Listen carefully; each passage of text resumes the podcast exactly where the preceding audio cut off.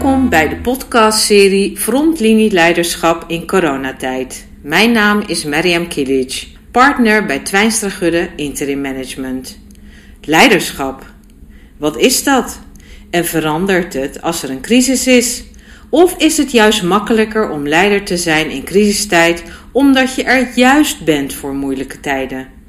In deze podcastserie Frontlinie Leiderschap in coronatijd onderzoeken we wat leiders die aan de frontlinie stonden van organisaties in het publieke domein allemaal hebben doorstaan.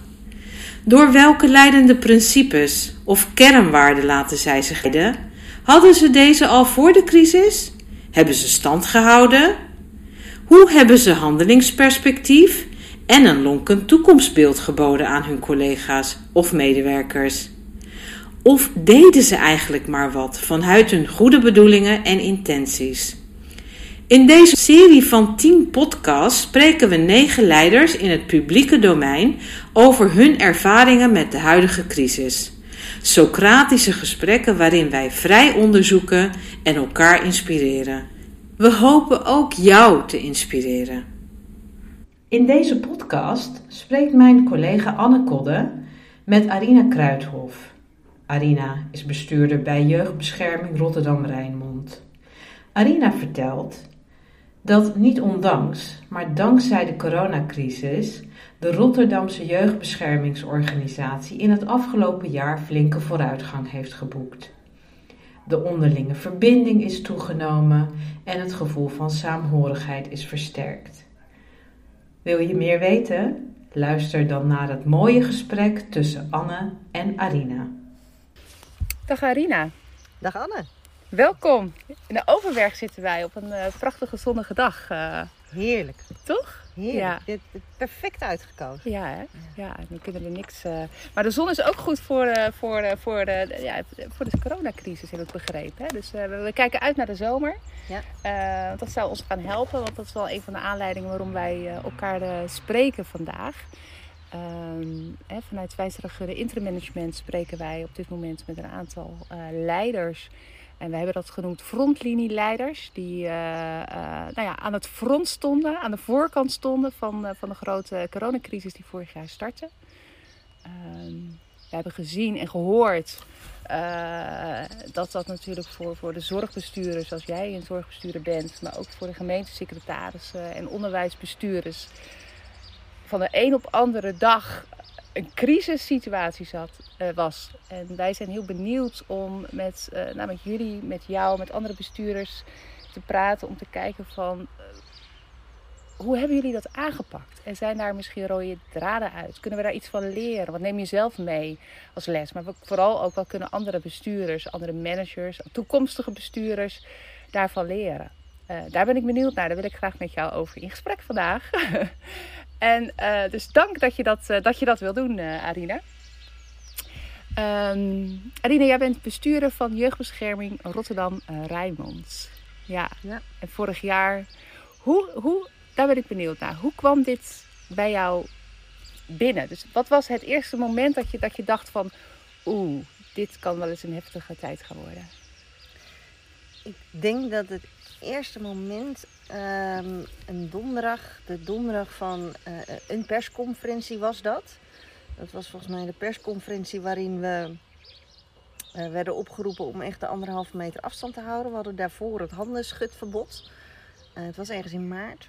Um, maar voor de rest mocht alles nog, behalve in Brabant. Toen, daar was het al een beetje, jongens, misschien wat meer thuiswerken. dat was op een donderdag was vrij vroeg dus al. Ja, dat was vrij Brabant vroeg. was, was in februari, hè, vorig jaar volgens mij. Dat dat nou, in maart ging het pas, dat, dat weet ik, dat ging pas in, uh, in, in maart of in uh, februari was, het eerste, was de eerste corona, uh, coronageval in Nederland, eind februari. En in maart ontstond het punt van dat in Brabant er wel wat meer besmettingen waren en dat daar wel werd opgeroepen tot afstand. en um, volgens mij was het. Um, 12 maart, denk ik, uh, dat we dat hadden. En ik weet namelijk dat ik op 7 maart nog uh, in Brabant op de verjaardag van mijn vader was, dat weekend ervoor. Eh, en dat het mij zou verbazen dat iedereen daar gewoon handen wilde schudden en zoenen wilde geven. En dat ik daar als Rotterdammer binnenkwam en zei: Dat ga ik niet doen. Want volgens mij mag dat niet. Toen was er nog geen anderhalve meter, maar wel, je mocht geen handen schudden. Oké. Ehm, en volgens mij was 12 maart de persconferentie dat dat de eerste maatregel was. En er werd opgeroepen toen al ehm, ook breder nou, ik weet dat wij toen op vrijdag zijn gaan denken, wij eens even, ik en mijn directie, van hey, dat thuiswerken dat gaat gebeuren. Dat, dat, dat, komt eraan. Mhm. Wat betekent dat nou voor ons?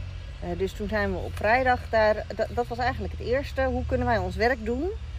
Uh, waarbij medewerkers zoveel mogelijk thuis zijn. Dit klinkt heel praktisch, maar dat heb ik ook wel geleerd van crisismanagement. Uiteindelijk gaat het erom praktisch gewoon telkens elke stap zetten die je moet, moet zetten. Niet te veel nadenken. Je moet juist je hele strategie een beetje loslaten. Dat heb ik ervan geleerd. En dat gebeurde denk ik wel automatisch hoor. Um, waar je normaal altijd bezig bent. Goh, past dit nou in de doelen die we nastreven? Op dat moment is het gewoon, wat moet er vandaag gebeuren? Dat gaan we vandaag doen. morgen gaan we weer doen wat er morgen moet gebeuren. Dus dat was de eerste stap. En toen kwam vervolgens eigenlijk al vrij snel uh, het punt, ja, maar wat betekent dit? Toen kwam, ik denk een week daarna of zo, de persconferentie dat iedereen echt thuis moest werken en dat we niks meer mochten. En toen ontstond wel, uh, uh, ja, maar wat betekent dat voor ons? Want wij hebben werk te doen. En wij moeten gezinnen zien, we moeten weten of het daar veilig is. en dat mag nu niet meer, want alles moet digitaal.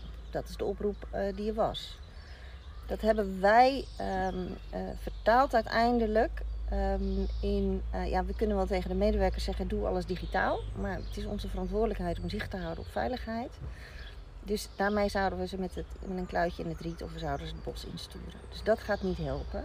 Laten we nou kijken of we ze kunnen helpen met een soort handelingskader.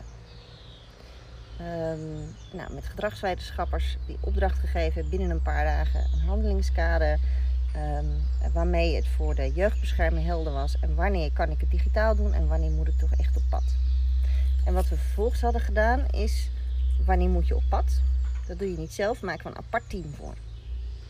Uh, waarom? Om daarmee het, het, team wat fysiek contact had zo klein mogelijk te houden. Uh, daar we afwisseling, hele roosters voor hoe je dat zou doen. Uh, dus wij hadden dat al vrij snel behoorlijk georganiseerd opgepakt. Hoe, hoe hoe kan dat dat jullie dat zo snel hadden? Want jij noemde net aan het begin, zei je al iets van, uh, ik weet dat een crisis zo werkt. Dus, dus heb je eerder zo'n crisis meegemaakt? Nee, niemand heeft zo'n crisis meegemaakt. Um, ik denk, wat je wel leert in een uitvoeringsorganisatie, um, meer dan uh, in een beleidsclub als een gemeente of een, uh, of een overheid. In een beleidsorganisatie heb je natuurlijk wel altijd met crisis te maken. Heel andere orde dan dit, hè? niet vergelijkbaar. Uh, um, maar in ons geval een crisis als er iets ontzettend heftigs met een kind gebeurt. Ja. Dan heb je ook crisis. Dan uh, ben je, uh, ga je ook in de modus. Wat moet er nu? wel je veld, je omgeving in de gaten houden. dat managen en tegelijkertijd welk probleem moet ik wanneer oplossen en wie heb ik daarvoor nodig? Hou de groep beperkt. wees wel helder in je communicatie. Ehm, en, en denk niet te veel na over, ja, maar over drie weken dit. Ja. En kon je, konden jullie die principes makkelijk dan vertalen naar zeg maar, de grote crisis die er nu, nu was? Heeft dat jullie geholpen, denk je? Ik denk het wel. Wij hebben, um, we hadden een dagelijks crisisteam bestaande uit, uh, uh, de directie. Dus mijzelf en twee directeuren uh, en twee strategische adviseurs. Um, en wij hadden, uh, daar werden de besluiten genomen. En wij hadden tegelijkertijd drie keer in de week, dat noemen we een breder overleg met het hele management. Om en besluiten te kunnen uitleggen, te kunnen toelichten mondeling. Maar ook om alle signalen en zorgen en vragen op te halen. Op basis waarvan we misschien een besluit moesten nemen of iets anders. Uh, en uh, we gebruikten die overleggen ook altijd als moment. Daarna communiceren we naar de rest van de organisatie. En um, dat was eigenlijk een structuur die heel goed werkte. Iedereen accepteerde, de besluiten liggen daar. Zelfs besluiten die normaal gesproken prima bij het management liggen. Maar mhm. iedereen snapte, dat is ook het voordeel van een crisissituatie. Iedereen snapt, ja, dat is nu niet handig. Um, heel helder zijn in je communicatie. Wat kan wel, wat kan niet. Als je iets niet weet, ook helder over zijn. Ehm, en we hebben eigenlijk van de ondernemingsraad zat bij die corona-overlegger. Dus er was managers en de ondernemingsraad er ook meteen bij. Help ons ook, want wij willen die medewerker betrokken houden. Wij willen... Ons doel van de crisis is dat we het zo goed mogelijk moeten organiseren voor de cliënt en voor de medewerker. En dat lijkt dat we nu even traditioneel top-down aan het sturen zijn. Maar dit is ons doel. Dus wij nemen de besluiten ten dienste van jullie. Dat hebben we vanaf het begin af aan wel zo uh, uitgestraald. En dat heeft erg geholpen. Daarmee voelde, dat is ook wat we, wat we achteraf wel terugkregen hoor. Maar dat medewerkers en ook het mini-management die voelden zich daardoor erg, aan de ene kant heel erg gehoord. Maar ook, um, het was ontzettend helder wat er wel en niet van hen verwacht werd. Um, en um, we steunden ze ook. Dus we hadden door bijvoorbeeld meteen een apart team in te richten voor het cliëntcontact, voelden medewerkers zich ook wel gesteund van, oh ja, maar als ik dus uh, niet, niet, niet wil, het contact, omdat ik bijvoorbeeld voor mijn zieke moeder zorg, dan hoeft dat dus niet. Ja. Dan ben ik daarvoor uitgezonderd. Ja. Kan ik, moet ik iets anders gaan doen, hè? Um, uh, uh, maar die medewerker stond wel nog steeds centraal, samen met de cliënt. Um, en dit hebben we denk ik zo tot, ik denk dat het half mei was. Zo, volgehouden. En toen begin mei, toen, um, nee, ik moet nog even de fase daarvoor. Um, toen ontstond er natuurlijk ook nog wel uh, heel veel discussies over cruciale beroepen. Mm -hmm.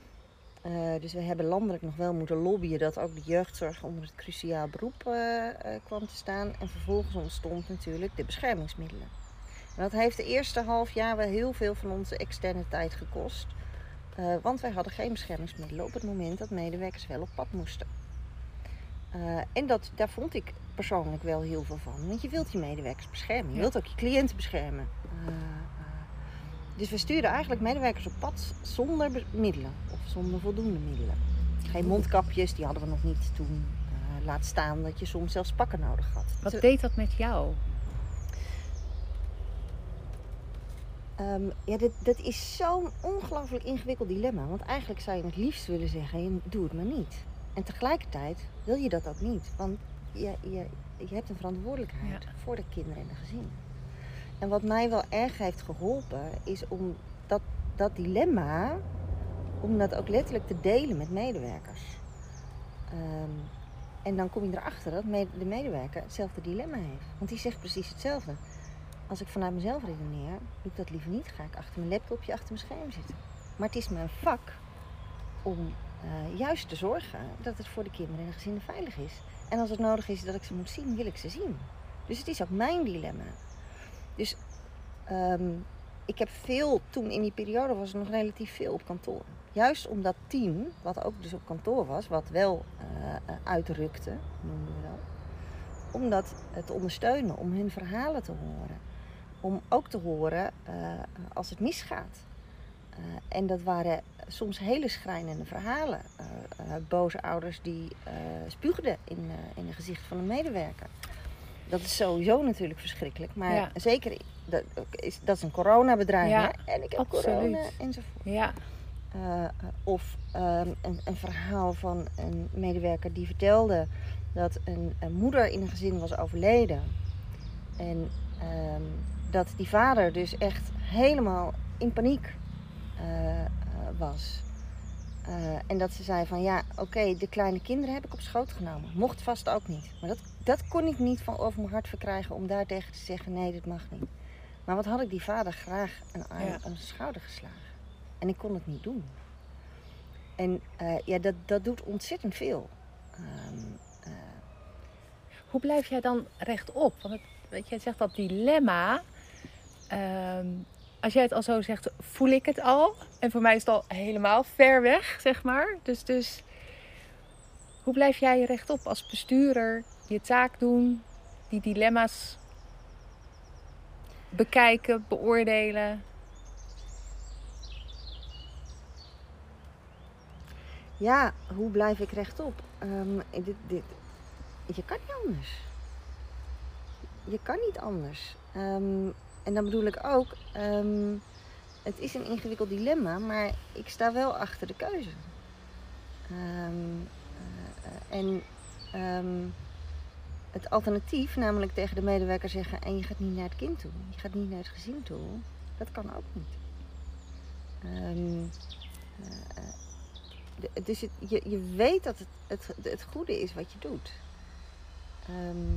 Het heeft mij erg geholpen om daarover te praten met mensen. Met, met, gewoon juist met de medewerkers, om daar ook te horen.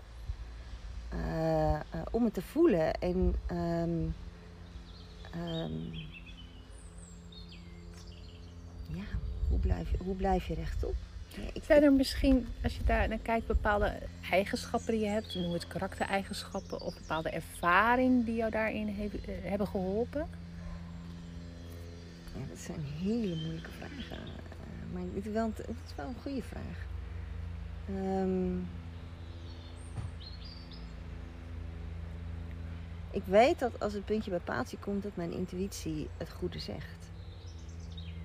Um, en uh, een van de dingen in mijn intuïtie is steeds: ik ben een heel rationeel, analytisch mens, maar ik ben een mens. En dat betekent ook dat ik gevoel heb en dat ik het soms ook niet meer weet.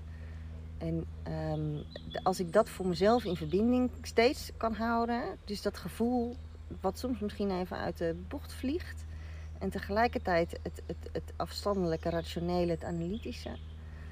Uh, als ik dat voor mezelf steeds kan blijven doen, dan weet ik dat ik op een de meest optimale manier met mijn dilemma's omgaan. En dan kan ik mezelf in de spiegel aankijken. En dat is wat ik hier nu ook heb gedaan. Uh, en je weet dat. Um, nou, um,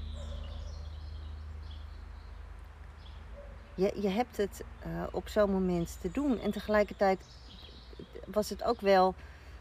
Um, uh, ik ben altijd het kan overal erger. Nee, want ik gelukkig, gelukkig dat ik geen bestuurder van een ziekenhuis ben. ja. Um, relativeren. Relativeren. Dan. Nou ja, dat denk ik dan altijd. Dat, dat, zo probeer ik mezelf ook wel te helpen. Okay. Uh, en tegelijkertijd ook wel uh, de frustratie, omdat je merkt, ja, wij werken in de zorg. Maar het is wel, in de coronapandemie was het de zorg die onderaan bubbelde. Ja. Deels natuurlijk ook terecht als je dat afzet tegen verpleeghuizen en ziekenhuizen. Uh, maar deels, ja, wij moeten ook contact hebben. Ja. Uh, wij moeten ook met kinderen in de auto zitten, omdat we ze ergens naartoe moeten brengen. Wij komen in kleine huizen, waar het eigenlijk niet eens mogelijk is om anderhalve meter afstand te houden. Um, dus dat, daar zat ook wel een stukje dat, je, dat je denkt, ja. Um, de, word je ook wel gezien. Mm. Um, en dan niet zozeer ik, maar vooral mijn professionals. Worden die wel gezien? Dus ja, daar probeer je ook wel voor op te komen in, in landelijk. En daarmee, uiteindelijk doe je het voor de professional, voor de cliënt. En dat is iets wat, wat, waarmee ik dan iedere dag opsta. Uh, wat, wat, wat doe ik vandaag om het voor hen in ieder geval beter te maken? en ze zo optimaal mogelijk te, te, faciliteren. Dat, dat heb ik echt als mijn opdracht gezien. En het frappante is dat um, uiteindelijk door de hele uh, coronacrisis heen de onderlinge verbinding in de organisatie uh, ontzettend is toegenomen. de betrokkenheid bij de organisatie, de waardering voor de organisatie en voor wat we allemaal voor elkaar doen. wat ik ook heel spannend eigenlijk, want ik dacht eigenlijk dat het omgekeerde zou gaan gebeuren.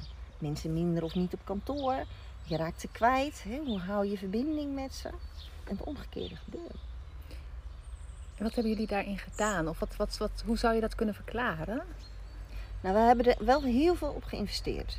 Uh, uh, door juist ook op wat voor manieren dan ook het contact uh, te zoeken met mensen thuis. Door ze daarin te helpen. Niet alleen gewoon in de praktische zin zorgen dat die werkplek goed is. Maar ook af en toe even cadeautjes sturen. ze faciliteren in digitale ontmoeting. Ook met hun collega's. Dus niet alleen maar de werkontmoetingen, maar ook de leuke ontmoetingen. Dus we hebben ze enorm daarin gefaciliteerd. Ehm, we hebben um, de communicatie. Het is natuurlijk altijd een speerpunt. Je kan nooit genoeg communiceren. Maar ik denk dat dat ook wel een belangrijke les is. Eh, die we hieruit. Um, ik heb hem nu pas echt gevoeld hoe belangrijk het is. En dat je sommige boodschappen tien keer in een bericht moet zetten. En dat bedoel ik niet omdat dat. Eh, eh, maar zo werkt communicatie. Zo werkt het ook. Zo werkt het gewoon als mens. Hè? Wanneer, komt, wanneer lees je pas iets echt? Ehm, terwijl daarvoor je communiceert van ja, maar dat weet je nog, dat stond in het nieuwsbericht van drie Ja. weken Maar geleden. toen kwam het niet binnen, want het was Maar niet kwam actueel. niet binnen, ja, klopt. precies. Ehm, Ja. eh, ehm, zo. En dat. En is dat Dat sterk. gebleven? Want we zijn nu inderdaad een jaar verder. Zie je daarin in blijvende veranderingen, verbeteringen in de verbinding? ik dacht in eerste instantie van, van oh, we moeten nu uitle- opletten, want de eerste maanden van de crisis zag je het ook in de maatschappij, hè? meer onderling verbinding. Ehm, Zeker. Terwijl dat later juist misschien voor een deel zelfs meer naar polarisatie is gegaan. Dus ik, ik was heel bang van, oh, dit gaat ons ook gebeuren. Eh, en het is niet gebeurd. Nee. En misschien is het ook wel voor mij de les geweest. Ehm, ik, ik heb altijd als bestuurder, ik ben er voor de professional en ik ben er voor de cliënt. Heb ik altijd, dat is altijd mijn, mijn drijfveer geweest. Ehm, maar ik denk dat ik nu pas echt door heb gehad en ook echt heb gevoeld wat dat betekent. Dus als ik terugkijk, is het misschien ook wel dat ik de jaren daarvoor Ja. niet genoeg heb gedaan. Ja, Denk je dat? ja, dat denk ik wel. En wat heb je niet genoeg gedaan? Geluisterd. Echt geluisterd. Wel geluisterd, maar dan heb ik ze ook gehoord. Ehm, ja, dat denk ik. Wat een mooie les.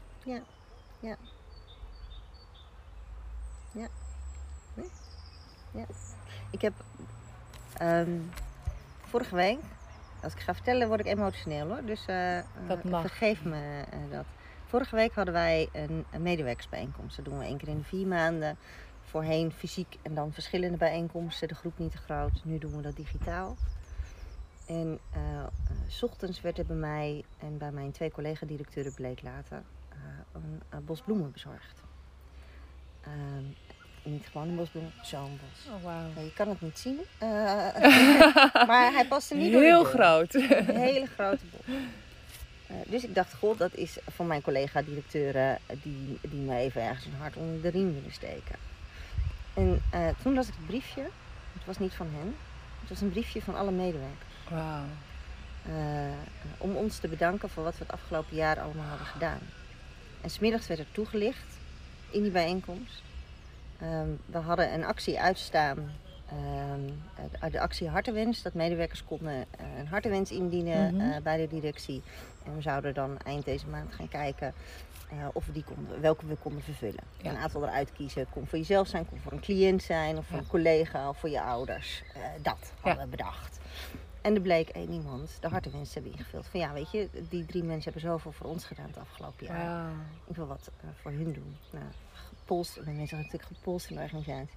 Dus we hadden allemaal die bosbloemen gekregen. En dat werd vervolgens ook nog daar. Je snapt het. Ja.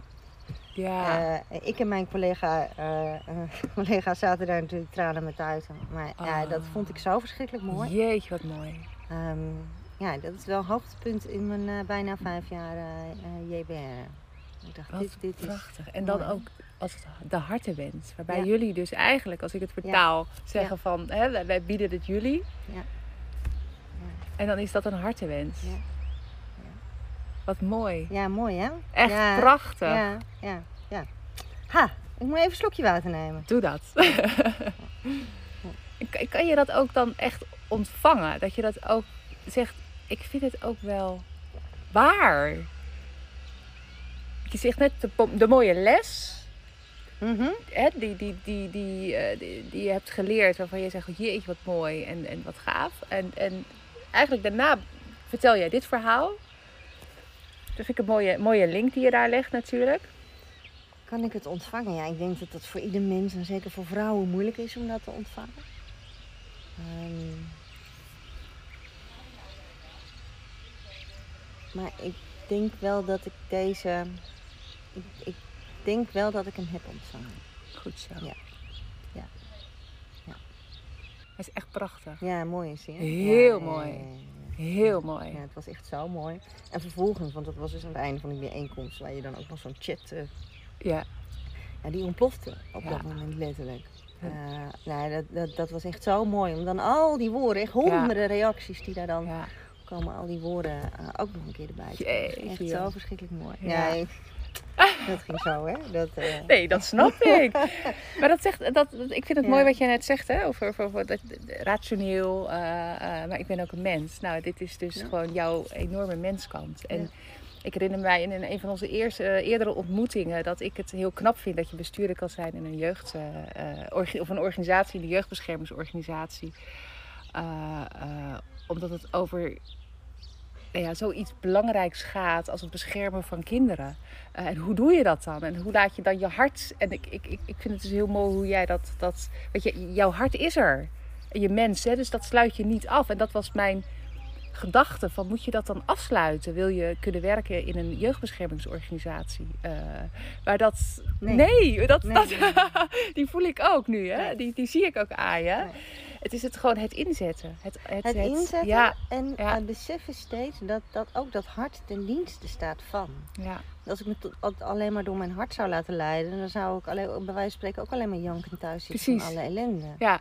Eh, Ja. maar hoe kan ik mijn hart Daar help je niemand mee. niemand. Dat is wel mijn verantwoordelijkheid. Ja. Vanuit de heftigheid uiteindelijk de welzijn als het, als Ja. het moeilijk is. ja. Als het puntje bij paaltje komt. Dat, dat is mijn verantwoordelijkheid. En dat, dat is altijd zoeken naar hoe, hoe hou je dat in balans.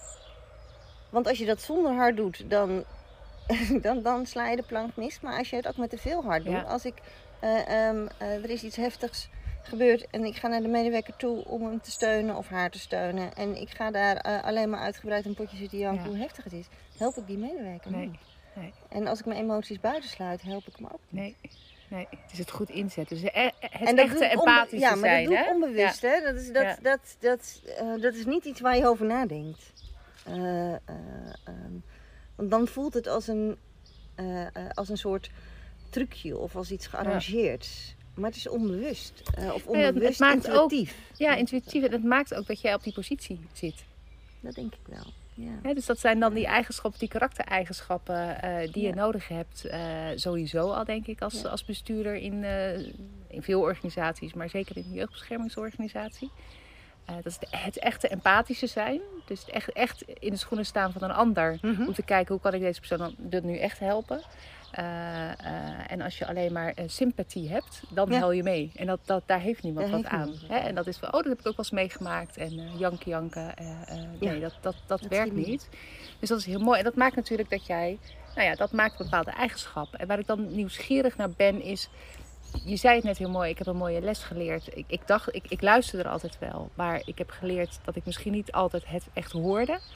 Eh, prachtige les. En, en misschien dat je daarin jezelf onderschat eh, de afgelopen jaren. Maar eh, maakt niet uit. Hè? Dat, elke, les is, elke les is goed.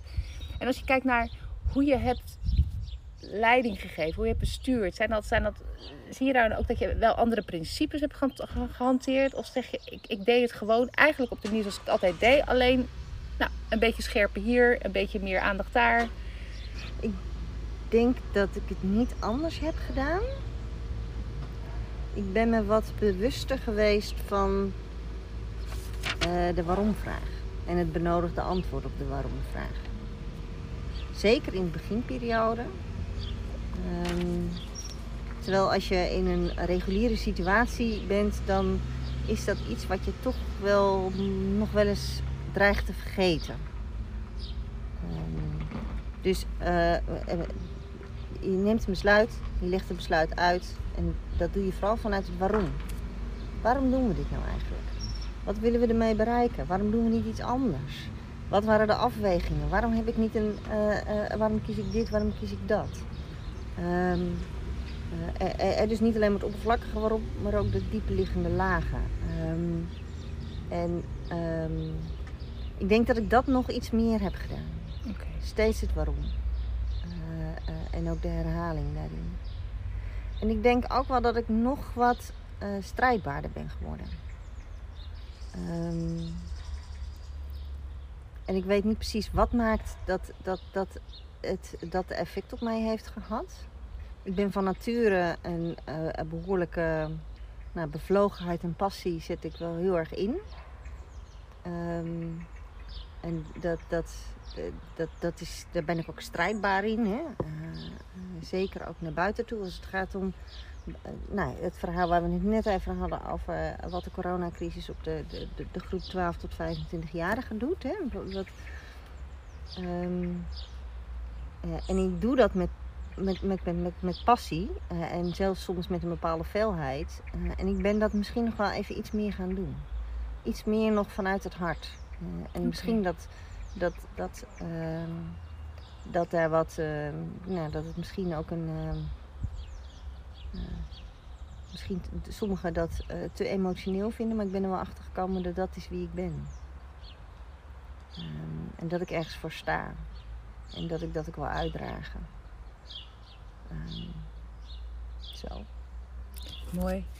En wat jij zei net over die, uh, die 12 tot 25-jarigen. Ja, 12 dat was uh, de, de groep en uh, we hebben het erover gehad voordat we dit gesprek opnamen natuurlijk. Zou je daar nog iets over kunnen zeggen? Want ik vind dat wel een hele, nou ja, wel een belangrijke om ook even te, te, benoemen in dit gesprek. Ja, nou ja, dat is iets wat um, we, we, misschien wat algemener. Eerst even een aftrapje. Wat je zag in de coronacrisis, dat het in het begin heel erg ging over ja, achter de voordeur gaat het nu mis. Nu mis hè? Kindermishandeling en huiselijk geweld gaat gigantisch toenemen. Heel veel media-aandacht voor dit gaat fout, dit gaat fout. Terwijl we eigenlijk niet wisten precies wat er achter de voordeur nou gebeurde. Um, terwijl we ook uh, tegenovergestelde effecten zagen in, uh, in gezinnen. Gezinnen die juist iets meer rust ervoeren. Uh, dat het contact tussen sommige kinderen en ouders juist in die thuissituatie verbeterd was. Ik vertelde net zelf ook, ook veel kinderen die, die het echt wel ervoeren als... hé, hey, dit, dit, misschien kan ik sommige dingen hier nu beter ja. als het gaat om school en huiswerk. Um, en dat geluid was ook moeilijk, omdat hè, het geluid werd erg gedomineerd door allerlei media-aandacht. Op scholen zag je dat ook. Het ging alleen maar over leerachterstanden. Ja. Terwijl als je een negatief, docent, hè? Uh, het is ja. heel meteen negatief. Ja. Oh, help, help, help. Terwijl als je docenten sprak, die zeiden van nou, als er al een achterstand is, is het een ontwikkelachterstand, is het geen leerachterstand. Ja. En we zien ook hier een aantal goede dingen gebeuren. Dus um, uh, um, het, het, ik heb in de beginperiode ook wel heel erg geprobeerd van hoe kunnen we ook die nuance, hoe moeilijk die ook is, hoe kunnen we ook dat voor het voetlicht uh, uh, brengen. Uh, want ja, media wil niet horen dat het aantal meldingen huiselijk geweld en kindermishandeling juist is gedaald in plaats van is gestegen. Um, en toen op een gegeven moment kwamen we er ook wel achter, um, na een tijdje, dat wij zagen waar het beeld heel erg was, juist de groep 0 tot 12, daar gaat het mis zielige mm -hmm. kindertjes um, zagen wij dat het vooral misging in de groep 12 tot 18. Uh, want daar zaten juist de groep thuis die helemaal niet thuis wil zijn. Ja. De 15, 16-jarige puber die met zijn vrienden op pad wil, die dat niet mag, die niet mag sporten enzovoort. Um, dat gebeurde al in de eerste lockdown. En uh, eigenlijk in de tweede lockdown zag je pas echt wat het effect was op deze groep. En uh, wij, wij zagen al eind vorig jaar, we zien dat nu helemaal, dat de psychiatrische problematiek bij deze groep fors, fors aan het toenemen is. Um, het, het, is de, de groep die juist midden in hun ontwikkeling wordt geremd omdat ze zo ontzettend beperkt worden. En we kijken daar als samenleving toch te veel naar vanuit de volwassen blik. Jongens, dit hoort erbij. Uh, ga maar even een avondje Netflixen. Uh, en het komt wel weer goed. Uh, terwijl deze groep echt in hun, hun ontwikkeling, hun geestelijke ontwikkeling, wordt geremd. We zien een toename van uh, suïcides, uh, eetstoornissen, um, depressie. Uh, het is heel ernstig wat daar gebeurt. Um, nou, dat, dat probeer je ook toch voor het voetlicht te brengen. Niet alleen om daar nu voor te kunnen zorgen, maar ook om de boodschap uit te kunnen leggen. jongens, dit is niet iets wat zo meteen voorbij is als de coronacrisis over is, als we weer alles mogen doen. En wat maakt dat, dat jij dat voor het voetlicht wil brengen? Wat, wat, wat is dat ja, dat bij jou? zie ik als mijn, ja, mijn, mijn, mijn, mijn maatschappelijke hart. Okay. Is dat. Ja, dat is intrinsiek. Dat, ja. Ik, ik, um, um, Um, het is een beetje uh, wat ze altijd over stemmen zeggen. Je, je, je mag niet, uh, geen kritiek hebben als je niet hebt gestemd. Um, weet je, dat, dat, je, je hoort je uit te spreken. Ja. En dan Ja. bedoel ik het niet zozeer als bestuurder, dat, dat natuurlijk ook, maar ook als mens. Ja. Ehm, het, ehm, ik heb eind vorig jaar, nee, eind vorig jaar is het eh, dit jaar, een eh, artikel met een collega van mij geschreven eh, over, eh, heb ik gelezen. Ja. meer over de jeugdzorg. Eh, dat gaat niet zozeer over de coronacrisis, maar over de crisis in de jeugdzorg. En dat komt daar, dat is ook zo'n ja, letterlijk hartekreet. Wat echt is ontstaan in gesprekken die wij hadden eh, over de toeslagenaffaire. Ja. En dat je je echt afvraagt, ja, maar ben ik, ben ik niet ook zo iemand die er middenin zit? En als dat zo is, dan hoor ik me nu uit te spreken. Ja. Dan hoor ik dat hardop te zeggen. Eh, eh, eh, de pijn die ik voel eh, daarbij, de onmacht. Eh, eh, het, het gevoel dat je meewerkt aan iets wat eigenlijk verkeerd is. Ehm, ja, dat. Heb je het idee dat je daarin gehoord wordt? Als je het over die specifieke groep hebt, want dat is dicht, natuurlijk dicht bij jouw verantwoordelijkheid. Ja, eh, eh, ehm, ehm, het rare is dat ik, da- dat ik, ja, dat klinkt misschien een beetje raar. Ik ben niet zo bezig met, natuurlijk ben je bezig met het effect. Ehm, en tegelijkertijd ook niet. Want ik zeg het wel vanuit mijn hart. Ehm, en je wilt dat het wat betekent. Eh, en iedereen die het hoort, de, de, eh, ieder mens, dat betekent dat het effect heeft gehad. Dat, dat, dat je andere mensen ook aan het denken zet of aan het handelen zet. Ehm, ja, je, je vraag zet me wel aan het denken. Want het, Ehm, uiteindelijk wil ik dat het beter wordt. Welk onderwerp het ook is, hè? Je, Ja. je kaart een probleem aan omdat je wil dat het beter wordt. En ehm, ook wel tegelijkertijd vanuit het besef dat je maar een klein radartje bent in het totale veld. Eh, eh, en, en dat er nog zoveel moet gebeuren. eh, en dat er zoveel partijen bij betrokken zijn. en dat het allemaal hartstikke ingewikkeld is. Ehm, eh, maar omdat je een klein radartje bent, ben ik minder bezig van oké, als ik dit doe, dan leidt dat tot dit. Eh, maar veel meer van hoe kan ik de beweging, hoe kan ik die. ehm, eh, nou, in het artikel hadden we het over de, de steen in de vijver. Ja. Als we dat maar kunnen bereiken, als er maar ergens iemand zegt: hé, hey, maar misschien moeten we hier wat gesprek over gaan voeren. Misschien moeten we het wel anders gaan doen met elkaar. Dan ben ik al blij. En ehm, eh, eh, ja, ik denk wel dat, dat dat wordt gehoord. Het wordt ook niet gehoord, klopt. Dat ook. Ja. ja. Zeker in het, dat artikel, dat werd in Den Haag niet gehoord. Dat, eh, ja. Maar daar had ik ook niet anders van. Nee, nee, precies. Het is ook een beetje een rare tijd, hè? Ja. Als je dan ook over die, die verkiezingstijd die we natuurlijk nu net, eh, net achter de rug hebben. Het is, wat dat betreft is de aandacht ook weer naar andere dingen gegaan. eh eh dus Ja, zo'n artikel kan het- zomaar weer even... En Ja. de jeugdzorgcrisis, ja, daar, daar praten we natuurlijk ook, ook alweer jaren over. Maar dan moet ook weer net iemand in het kabinet of in de, in de Kamer zijn die daar zich eh, heel hard Ja. voor maakt. Net als de toeslagaffaire, ja. Ja. Ja. Dus dat doe je, doe je vanuit je hart. Eh, En ergens vind je ook dat, dat, wel, dat, dat, dat je je moet laten horen vanuit jouw rol als bestuurder. Hoor ik je ook zeggen. Ja. En Ja. vanuit mijzelf als mens. Ja, en dat is dan, dat, dat, daarmee heb ik een mooi vehikel dat ik bestuurder ben. Want Ja. als ik dit gewoon als eh, Ja.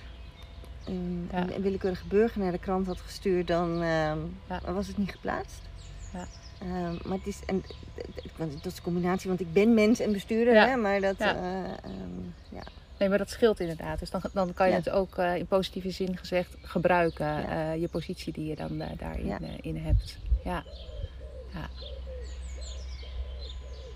En ook dat verbindt weer in de organisatie, kan ik me voorstellen. Jou aan je Ja. medewerkers. Nou, het mooie is dat, dat ehm, eh, tijdens eh, die bijeenkomst waar ik vertelde, Ja. eh, hadden we ook heel bewust dat morele kompas als eh, kern van het programma genomen. Dus wat is nou uiteindelijk ieders moreel kompas en hoe ga je daarmee om? Allerlei gesprekken georganiseerd tussen professionals.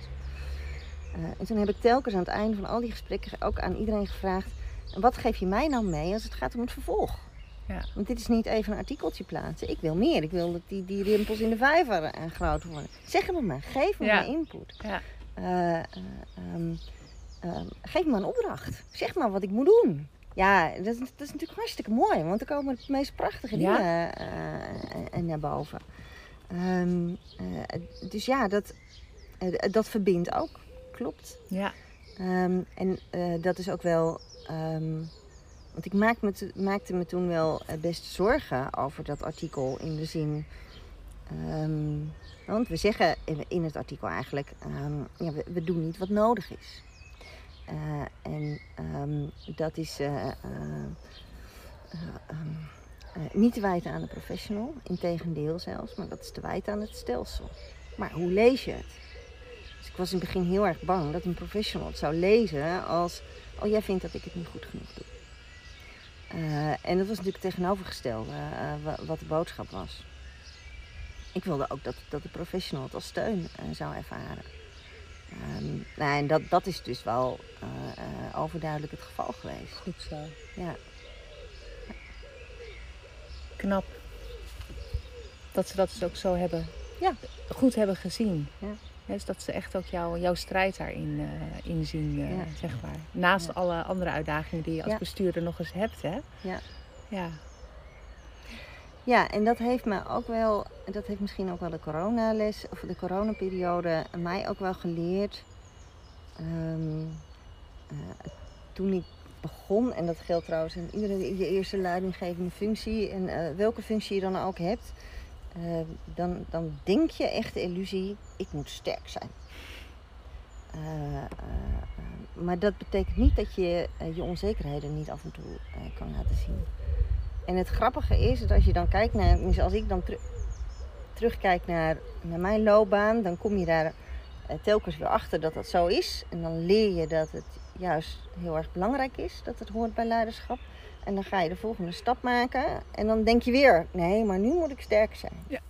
Dus dat blijft, als een dat, soort principe of zo. Uh, uh, ja, Um, soms denk ik wel eens dat het misschien nog een, een erfenis is uit uh, uh, het mannelijk leiderschap. Maar dan maak ik leg ik een link die er misschien niet is. Ja, misschien wel, hè? ja. dat, dat zou wel kunnen, ja. ja. mannen huilen niet, toch? Ja. Dat is een beetje dat, dat idee. Dus ik hoor ook als bestuurder niet huilen. Nou, ergens. Ik, ik vind hem wel interessant, in die, ook vanuit een ander perspectief, dat ze soms juist wel zeggen: er moeten meer vrouwen in bestuur zitten. En dan, dan zit het vaak het, het meer voelende, het meer uh, empathisch. dus, dus het is wat dat betreft dichten we dat soort eigenschappen ook wel meer toe. Terwijl ik me wel afvraag of dat zo is. Uh, zo, dus op zich is die wel, uh, ja. wel, wel ja, ja, wellicht wel, ja. wel een stukje historie zit daar in ons leiderschap in Nederland. Wie weet, wie weet, wie weet. Hoe is het nu? Jullie zijn nu een jaar, of we zijn een jaar verder natuurlijk. Hè? Je hebt voornamelijk verteld, ja, hoe heb je het aan het begin gedaan? Dus dat je inderdaad half mei nou, toen hadden wij ook nog een keer ergens contact in de zomer. Het was wat rustiger. Toen ging iedereen op vakantie. En iedereen dacht van, nou jongens, uh, hè? Ja. Nou, gelukkig waren er ook heel veel mensen die dachten van... nou, volgens mij moeten we een beetje nog voorzichtig blijven, blijven doen. Maar dat heeft natuurlijk wel geleid tot een tweede golf. En inmiddels een derde golf al. Uh... Ja. Nou ja, het, uh, wij zijn uh, begin mei op een gegeven moment tot het besef gekomen. Um, wat we doen is eigenlijk niet goed. Um, want wij zeggen tegen medewerkers: je moet niet je werk doen op een manier zoals je dat altijd hebt gedaan. Um, en is dat, is dat wel zo? Is het niet zo dat wij juist, net zoals het ziekenhuis, net zoals de thuiszorg, wel gewoon door moeten gaan? Um, en dat was best een spannend besluit. Hè? Dus dat, dat, om, om dat te gaan invoeren. Om eigenlijk tegen de professional te zeggen. En je, je, gaat weer um, niet over tot de orde van de dag. Want we willen dat aan alle kanten faciliteren, ondersteunen enzovoort. Um, um, en, maar die, die, die, die, de besluiten die we eerder hadden genomen, die gaan we wel terugdraaien. Um, en over welke besluiten heb je het dan? Uh, het besluit dat de uh, professional alleen maar uh, visiecontact zou hebben. Ja, klinkt raar visiecontact, ja. maar face-to-face contact zou hebben als echt de, de agentenveiligheid in het geding was. En dat we dat via een apart team zouden doen. Ja. Um, dat vonden we heel spannend. Daar hebben we ook wel veel over gesproken. Ook met medewerkers en met, met managers. Um, want dat gevoel zegt het wel. Van ja, dit, dit kan ook niet langer voortduren. En het mooie vond ik wel heel erg dat de meeste professionals uh, het zelf ook zeiden. Dit, dit, kan niet, het voelt niet goed wat we nu aan het doen zijn. Um, uh, en, hoe spannend ik het soms ook vind. Um, maar we moeten weer teruggaan naar hoe we het deden. En ja, dan was er een deel um, uh, van de medewerkers, met name medewerkers in kwetsbare groepen natuurlijk, die, waarvan je zei, ja, dat is niet verstandig Dus dat hadden we wel allemaal zo georganiseerd dat het uitgezonderd was. Maar we zijn toen eigenlijk weer uh, in ons cliëntwerk back to normal gegaan. Niet helemaal waar, want natuurlijk op kantoor konden we minder, mensen ontvangen. En mensen moesten ook vooral vanuit huis werken. Maar in ons primair proces wel. Dat heeft voor een deel echt opluchting veroorzaakt. Opluchting? Opluchting bij medewerkers. Ja, bij medewerkers. We vonden hem op een gegeven moment natuurlijk wel spannend. Toen zijn we een dashboard ook gaan inrichten. Van hoe, hoe gaat het op een gegeven moment uh, met ziekte? Hoe gaat het ook met mensen die misschien niet ziek zijn, maar die in quarantaine moeten? Of wat voor reden dan ook dat ze geen... Kunnen we dat, hebben we dat goed in zicht? Uh, en kunnen we bijsturen als nodig is? Hebben we de noodscenario's achter de hand? Uh, nou, die hadden we ontwikkeld. Dat gaf ook een stukje rust, uh, waardoor die medewerkers zoiets had van: oké, ik doe wat ik uh, moet doen. En als ik het niet kan, dan weet ik dat het georganiseerd is, dat anderen het van mij overnemen. Um, dus dat maakte dat we anders de tweede en de derde golf in gingen. Um, want in ons werk veranderde er niks. Um, wat, we, wel veranderde is dat we, we hadden, we hebben het, de, de, de, mogelijkheid om op kantoor te komen wat gedownsized. Um, hadden we, hebben we ook helemaal geregeld met dat je kunt inschrijven mm -hmm. enzovoort hoor. Ehm, maar dat hebben we wel gedaan. Um, maar verder eigenlijk niet. en toen zag je wel dat het veel vroeg van de ondersteuning van medewerkers als het ging om hun thuissituatie. Mm -hmm. Uh, maar niet in ons dagelijks werk. Natuurlijk heb je je problemen, je vragen. Uh, dat, dat, uh, en dat hadden we gewoon ook goed georganiseerd. waar mensen dan terecht konden. maar in principe was dat wel anders dan in de eerste periode. Um, dus zo zitten we nu.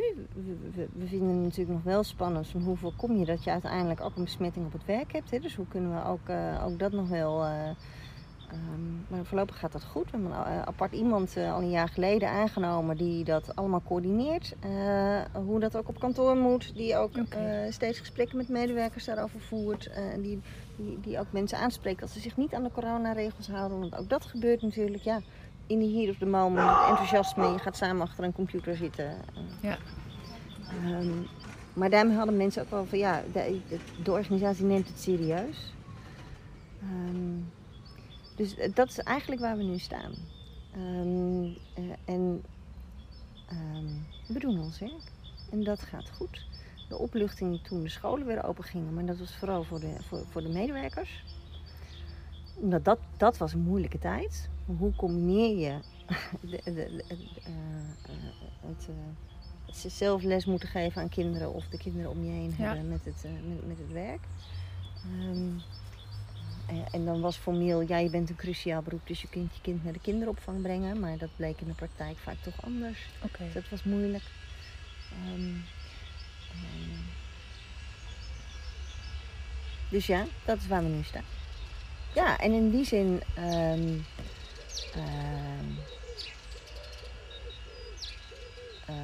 maak ik me. Het is een gevaarlijke uitspraak, besef ik nu, uh, die ik ga doen, dus ik ben heel voorzichtig. Um, want ik zeg niet dat ik me geen zorgen maak. Maar ik zeg eerder dat ik trots ben op hoe we het doen. En dat ik ook weet dat we de komende periode ook aan kunnen. We doen nu wat we moeten doen. Uh, we zijn in de gelegenheid om het te doen. En onze core business zorgt voor veiligheid voor kinderen. Uh, uh, en dat doen we met fantastische, gemotiveerde professionals die, die ook in staat nu zijn om hun werk te doen.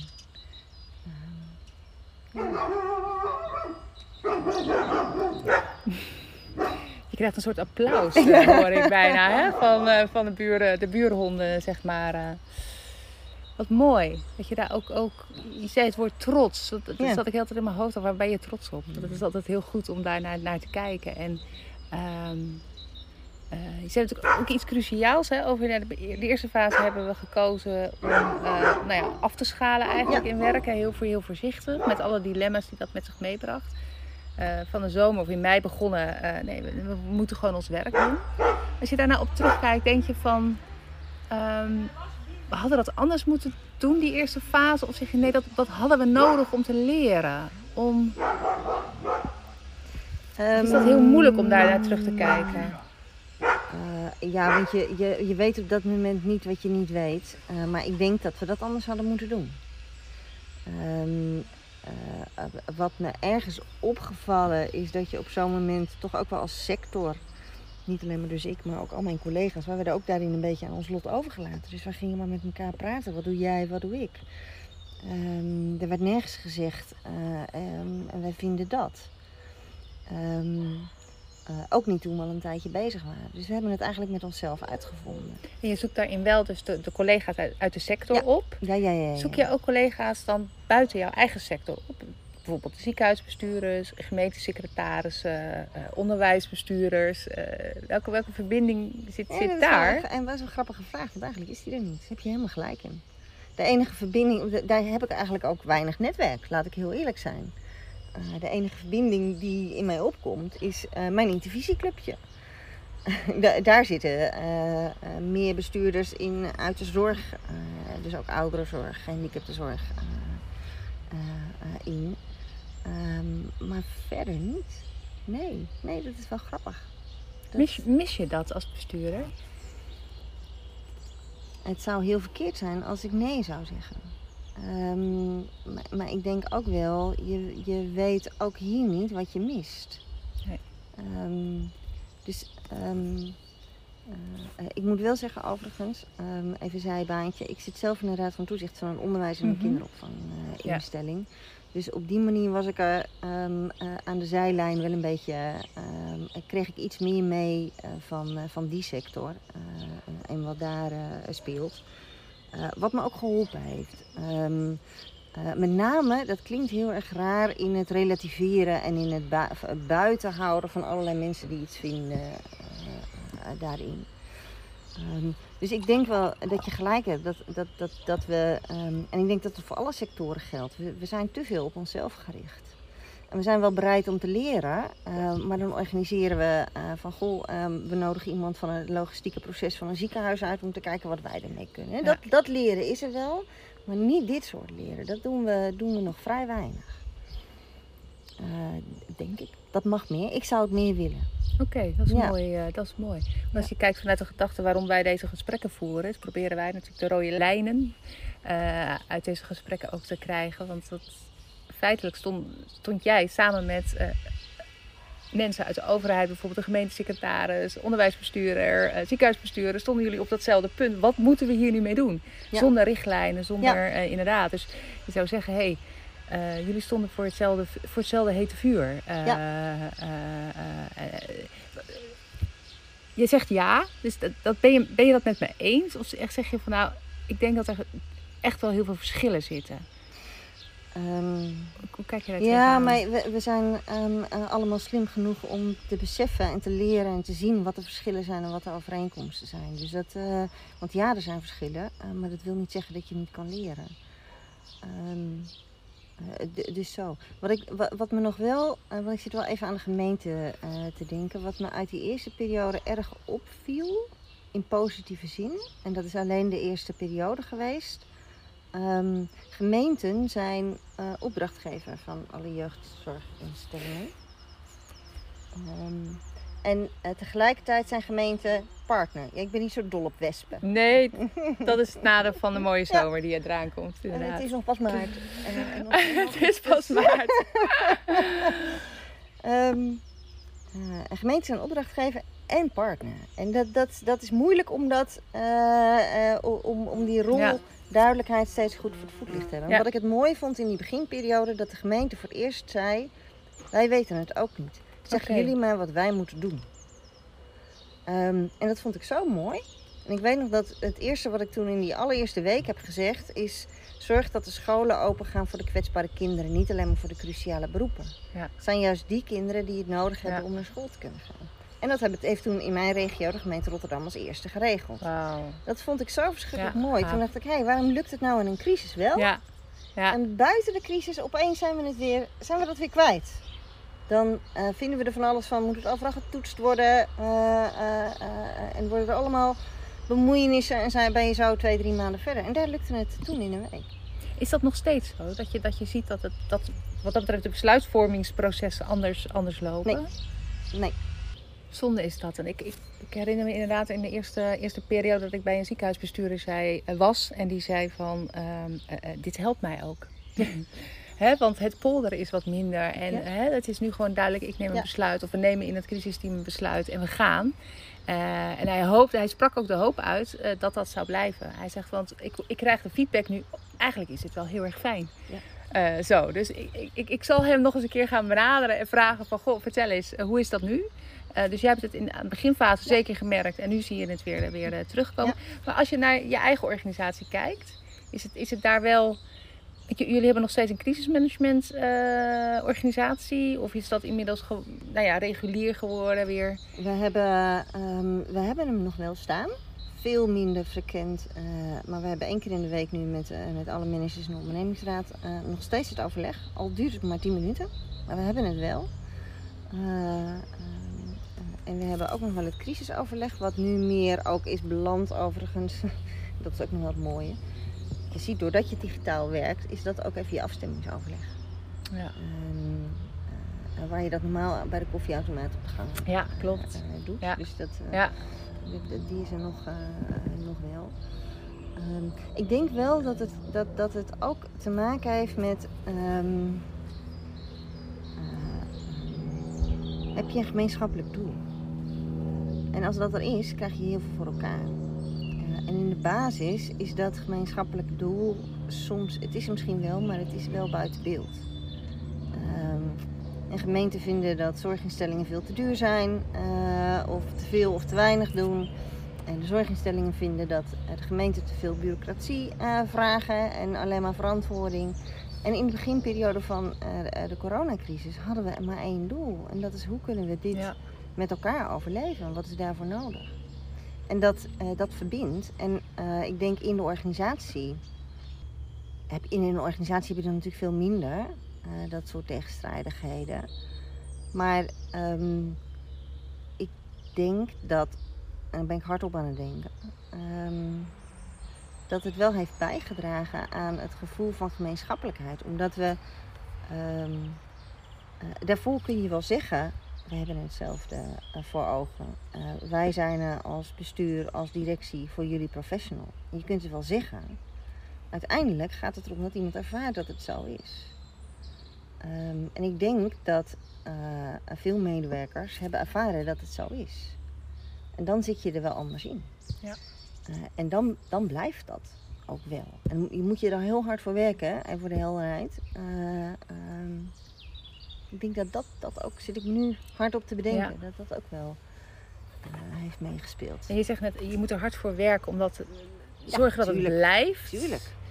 Is dat ook dat punt, jouw jou, jou, jouw mooie les van, van uh, zeg maar afgelopen jaar van het luisteren versus echt horen? Uh, is dat iets wat je, waarvan je zegt, daar, moet ik me, daar ben ik me nog echt wel bewust van? Of moet ik me bewust van?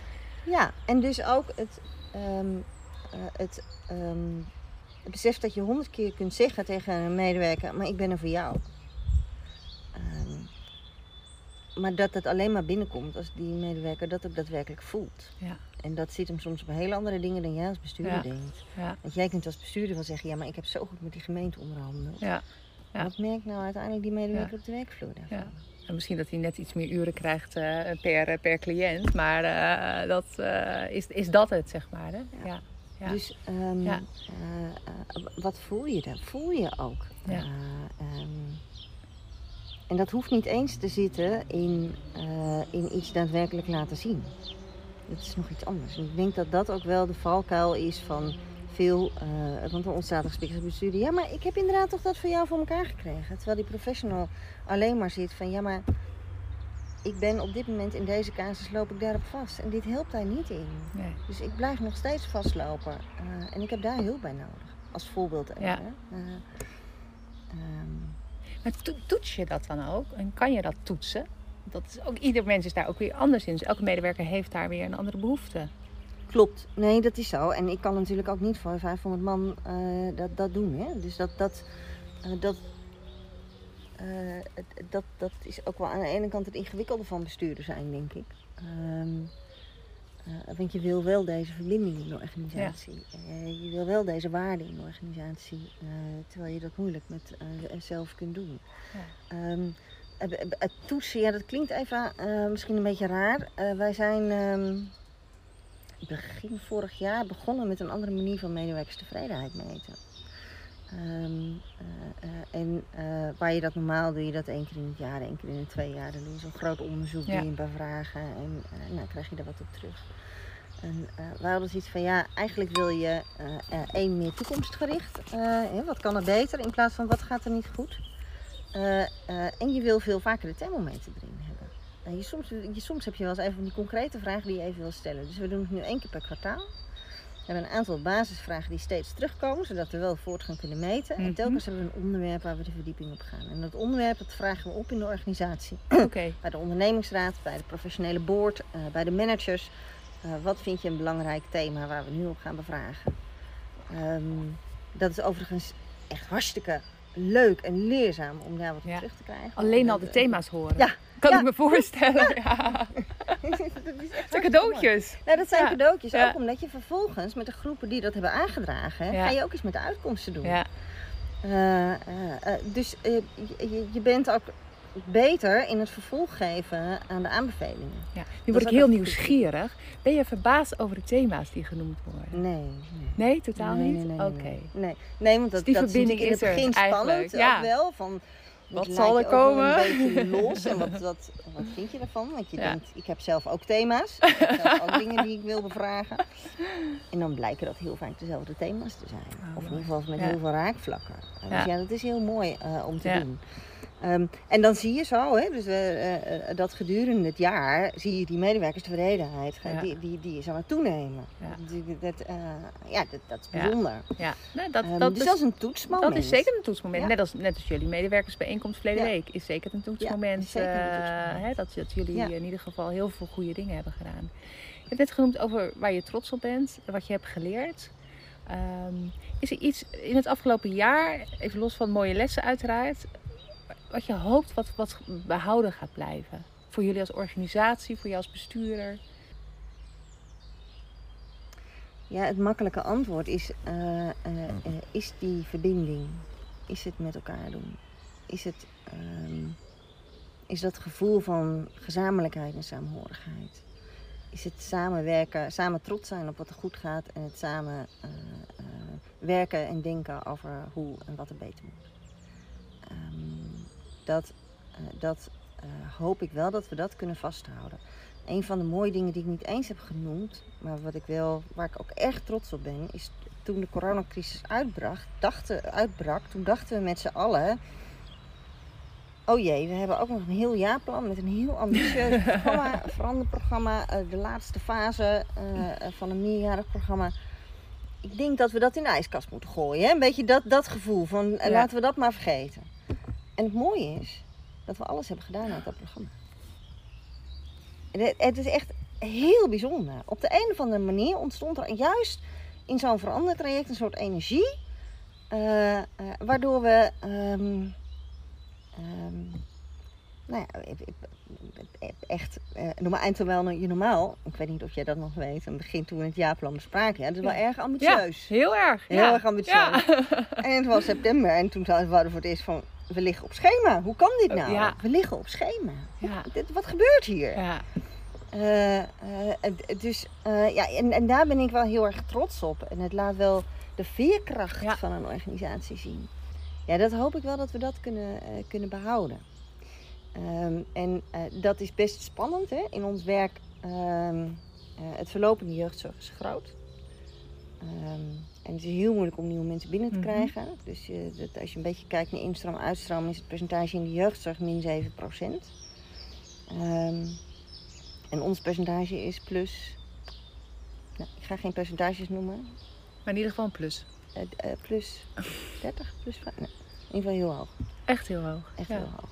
Ehm, nou, dat- dat, vind ik ook heel mooi. Is ook Ja, zo'n tuurlijk, toetsmoment. zeker een toetsmoment. Eh, de ziekteverzuim Ja. is gedaald. Ja. eh, eh, eindelijk. Uh, was nog niet gelukt. Ehm, maar eh, het gevolg daarvan is wel dat je dus het, het, de, eh, de instroom is best wel hoog. Ja. Eh, eh, 90 nieuwe medewerkers eh, in één jaar tijd. In coronatijd. In deze tijd, even. ja. Ehm, dus die vind ik wel spannend. Maar het lukt je dus wel om Ja, mensen aan te trekken. Absoluut. Ja. Ja, hè? Mooi. Nou, ja, dat is echt- prachtig. Ja, Ik denk echt zo, eh. Dat kan ik me heel goed voorstellen. ja. 90 is aanzienlijk veel. Ja, fantastische HRM-afdeling hoor, die dat echt heel goed hebben gedaan. Echt super. Ehm, eh, maar, Maar ehm, dat vraagt ook van de organisatie ook veerkracht, hè? nieuwe medewerkers toelaten. Zeker, dat, eh, dat eh, betekent in deze wat. tijd. Eh, dat, en dat is eh, heel spannend, want eh, eh, ehm, veel jonge mensen. Eh, dus het betekent heel veel in hoe zorg je dat, je dat, dat deze mensen ook goed geëquipeerd zijn, dat ze Ja. de goede kennis hebben. Eh, Het is een forse investering, en dan heb ik het niet over investering in geld, maar investering in tijd en kwaliteit, wat, je, wat je daarin moet doen. Eh, en die is natuurlijk heel spannend. Ehm, ik ben een, ja, nou, trotse bestuurder Ja, zit hier tegenover mij. Die ook nog een eigen persoonlijke les Ja. heeft, heeft meegekregen. Hoe, kijk je naar, hoe kijk je naar dit jaar verder? Wat is je ambitie voor dit jaar? Wat voor ons, voor ons ligt waar we al een, een, een kwartaal eh, mee afronden nu. vast te houden. Ehm, in ons jaarplan heet het bestendigen. Ehm, maar ik maak hem even persoonlijk vast te houden. Eh, vasthouden eh, wat we hebben bereikt, zowel in de, ik noem maar even de zachtere kant. Dit, dit, dit gevoel waar we, waar we het natuurlijk veel over hebben gehad. Maar wat, wat wel de organisatie maakt. Want we zijn een organisatie van mensen en voor mensen. Dus het gaat over mensen, het gaat over relaties. Ehm, dus die zachte kant vind ik heel belangrijk. Ehm, maar ook vasthouden van, eh, we hebben die organisatieverandering waar ik net over heb gehad, die hebben we dus eigenlijk vorig jaar afgerond. En we hebben gezegd, ja, daarmee is, die, is de, eh, de papieren kant afgerond. Maar Ja. we weten ook uit ervaring dat juist die borging zo ontzettend belangrijk is. Dus vandaar het borgen en bestendigen. Eh, maar ik noem het wel even vasthouden. Ja. En het blijven toetsen, is datgene wat we hebben bedacht, helpt dat nou ook daadwerkelijk? En moeten we het wel of niet anders doen? Doen we het ook zoals we het hebben bedacht? Als dat niet zo is, waarom is dat dan? Hebben we het verkeerd bedacht? Of hebben we het verkeerd geïmplementeerd? Hebben we het verkeerd vraagt het nog extra ondersteuning Eh, ergens? extra Ja. ondersteuning? ja, een aanpassing. ja. Eh, eh, ehm, maar ook vasthouden waar we als organisatie staan. En vasthouden klinkt heel ehm, statisch, heel passief, heel in het hier en nu. Maar zo bedoel ik hem niet. Hè? Ik, ik ben ervan overtuigd dat je ehm, een, een, een les die denk ik veel bestuurders hebben. Ehm, of een, eigenschap die veel bestuurders hebben, ik ook. Eh, je denkt te snel, je doet te snel. Hè? Dus de, je, je, je, neemt de rest niet mee. Ehm, en een andere vind ik wel dat we eh, een beetje zoals een ministerie denkt. Ja, we hebben de wereld veranderd, want we hebben een nieuwe wet die is ingevoerd. En de wet is aangenomen in de Tweede Kamer. Ik kom van een departement, dus ik, Jij mag erover ik- oordelen. ik heb dat ook geroepen en Ja. ik vind er nu wat van Ja. dat ik dat heb geroepen. Ja, Eh, maar dat is dit ook. ja. Ehm, Ja. eh, eh, we zijn Dit is pas een nog- eerste stap. we- Ja, we zijn nog Eigenlijk. niet klaar. Ja. En van, pas als je Ja. het goed hebt bestendigd, het fundament echt goed hebt gedaan, dan kun je verder gaan bouwen aan het Ja. met elkaar nog beter doen. Want daar hebben we gewoon ook breed in het waarmaken, feit. Want het, het gaat om het waarmaken. Ja, Het dus gaat om het is waarmaken, echt, maar ook om het verder. eh, dat, vind ik ook echt wel hoor. in, de, in de jeugdzorg en de jeugdbescherming. We hebben ook nog veel te doen. We hebben op inhoud echt nog wel een opgave. Dus, maar dat is een andere, ander gesprek. Als ik denk aan het woord vasthouden, denk ik ook aan elkaar vasthouden. Dat vind ik heel mooi, mooi, dankjewel. Dat was echt de hele tijd, dan denk ik van, en, en, en dan, eh, eh, het mag niet nu, hè? maar er Ja. zijn andere vormen van vasthouden. En Ja. ik vind dat ook en misschien een mooie afronding van, van ons Ja. gesprekken hierover.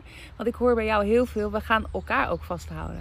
Eh, in verbinding, en, eh, eh, maar ook, ook de cliënt. Ja, we blijven absoluut. vasthouden. Dus we, we gaan niet zoals de eerste fase, een afstand. En, en, en, hè, nee, we, blijven jullie vasthouden. Ja. We blijven voor jullie strijden. Nou, Ja. dat hoor ik ook bij jou. Ja, vanuit, vanuit hart en vanuit mens. Dus nou, ik zou zeggen, houd vast. Houd elkaar vast. dankjewel. En dank voor dit, want dit helpt mij ook. Want ik schrok op een gegeven moment. Ik denk, wat zeg ik nou? Vasthouden.